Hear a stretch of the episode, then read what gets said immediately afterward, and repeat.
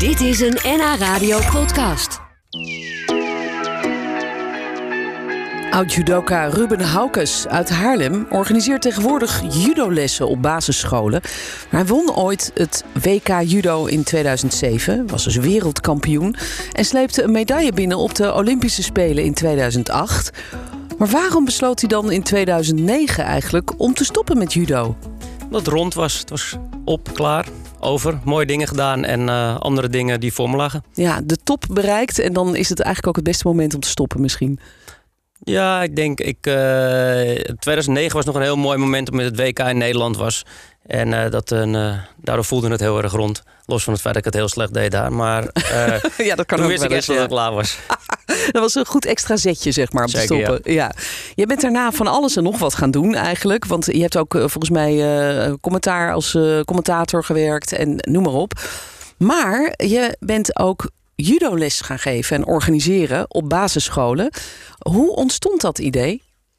Nou, dat ontstond al tijdens mijn uh, sportcarrière. Want in 2004 zijn we dit gestart. Uh, we keken om, om, ons heen en we zagen een ontzettend verharde maatschappij. Waar het niet meer normaal is om elkaar een schouderklopje te geven. Of eerst te luisteren voordat je reageert.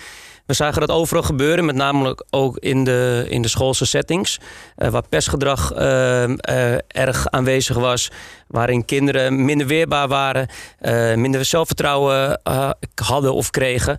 En, hoe, en leek... hoe, hoe, zag jij dat dan? Want was jij toen, kwam je dan wel eens op school? Ja, ik kwam op school. Ik gaf veel judo-clinics. oh, in die ja. tijd waren gewoon een soort promoties voor het judo. Uh, we keken natuurlijk om ons heen wat er allemaal gebeurde. En het, uh, in het judo uh, zitten hele mooie waarden en een hele mooie filosofie. En we waren er heilig van overtuigd in 2004 dat we die filosofie naar de scholen moesten brengen. Met als doel om elk kind in aanraking te brengen met deze waarden. En daardoor een stukje te helpen in hun sociaal-emotionele ontwikkeling. Weerbaar. Dus niet over een techniek, niet over een heupworp of een beenworp. Maar met name de waarden en, en, en de filosofie achter het judo gebruiken om de kinderen in de context van een klas te helpen in hun ontwikkeling. Ja, want wat is die filosofie dan eigenlijk? Want ik ken judo vooral van inderdaad de houtgreep en dat je ja, een beetje over de mat heen en weer uh, rommelt. Maar wat zit daar voor filosofie achter dan? Kijk, er zijn heel veel mensen die judo kennen als de, de sportjudo, wat je Ja. ziet op de Olympische Spelen op tv. Maar het is ontstaan als een pedagogisch, eh, pedagogisch element. Pedagogische filosofie zit erachter, waar het eh, niet belangrijk is om beter te zijn dan iemand anders, maar om beter te zijn dan gisteren, jezelf te ontwikkelen, waarbij je je mentale weerbaarheid superbelangrijk en natuurlijk ook je fysieke weerbaarheid. Ehm, en, dus, en het is gestoeld op een aantal waarden als respect, weerbaarheid, discipline. En al die verschillende waarden, het is een prachtig fundament voor onze jeugd, voor de toekomst, om die mee te geven. En Ja. dat proberen wij richting het onderwijs te brengen. Ja, en dat, dat doen jullie dus nu al een hele tijd. Eh, maar ik kan me voorstellen dat het de afgelopen jaren wel ingewikkeld is geweest. Want toen kwam er opeens corona. En kregen veel kinderen thuisonderwijs. Ik neem aan dat jullie dus ook geen judolessen meer konden geven. Nee, klopt ja. Ja, maar jullie hebben het daarna wel weer opgepakt. Want ik denk dat juist die tijd heel zwaar is geweest voor veel kinderen. Ja, dat eh, blijkt ook uit het onderzoek wat wij eh, gedaan hebben, samen met Motivaction. Eh, we waren, er is natuurlijk ontzettend veel bekend geworden over de achterstanden, de leerachterstanden van kinderen. Maar wij, omdat wij op dat sociaal-emotionele domein zitten, waren we met name ook ontzettend benieuwd wat de impact van corona was als het gaat over die sociaal-emotionele ontwikkeling van kinderen.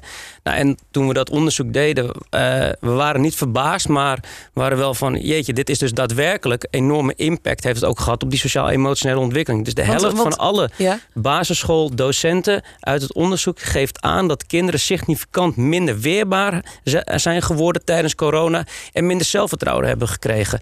En dat is natuurlijk wel een schokkende conclusie, waar wij, wat natuurlijk voor ons super belangrijk is, omdat we juist op die thematiek eh, zitten, Ja. om via die methodiek en de filosofie vanuit het judo, zowel op de mat als in de klas aanwezig te zijn. En die kinderen echt weer helder te maken, zelfvertrouwen mee te geven en weerbaarder te maken. Ja, ja, we zullen zo van je horen hoe jullie dat dan precies doen in de praktijk.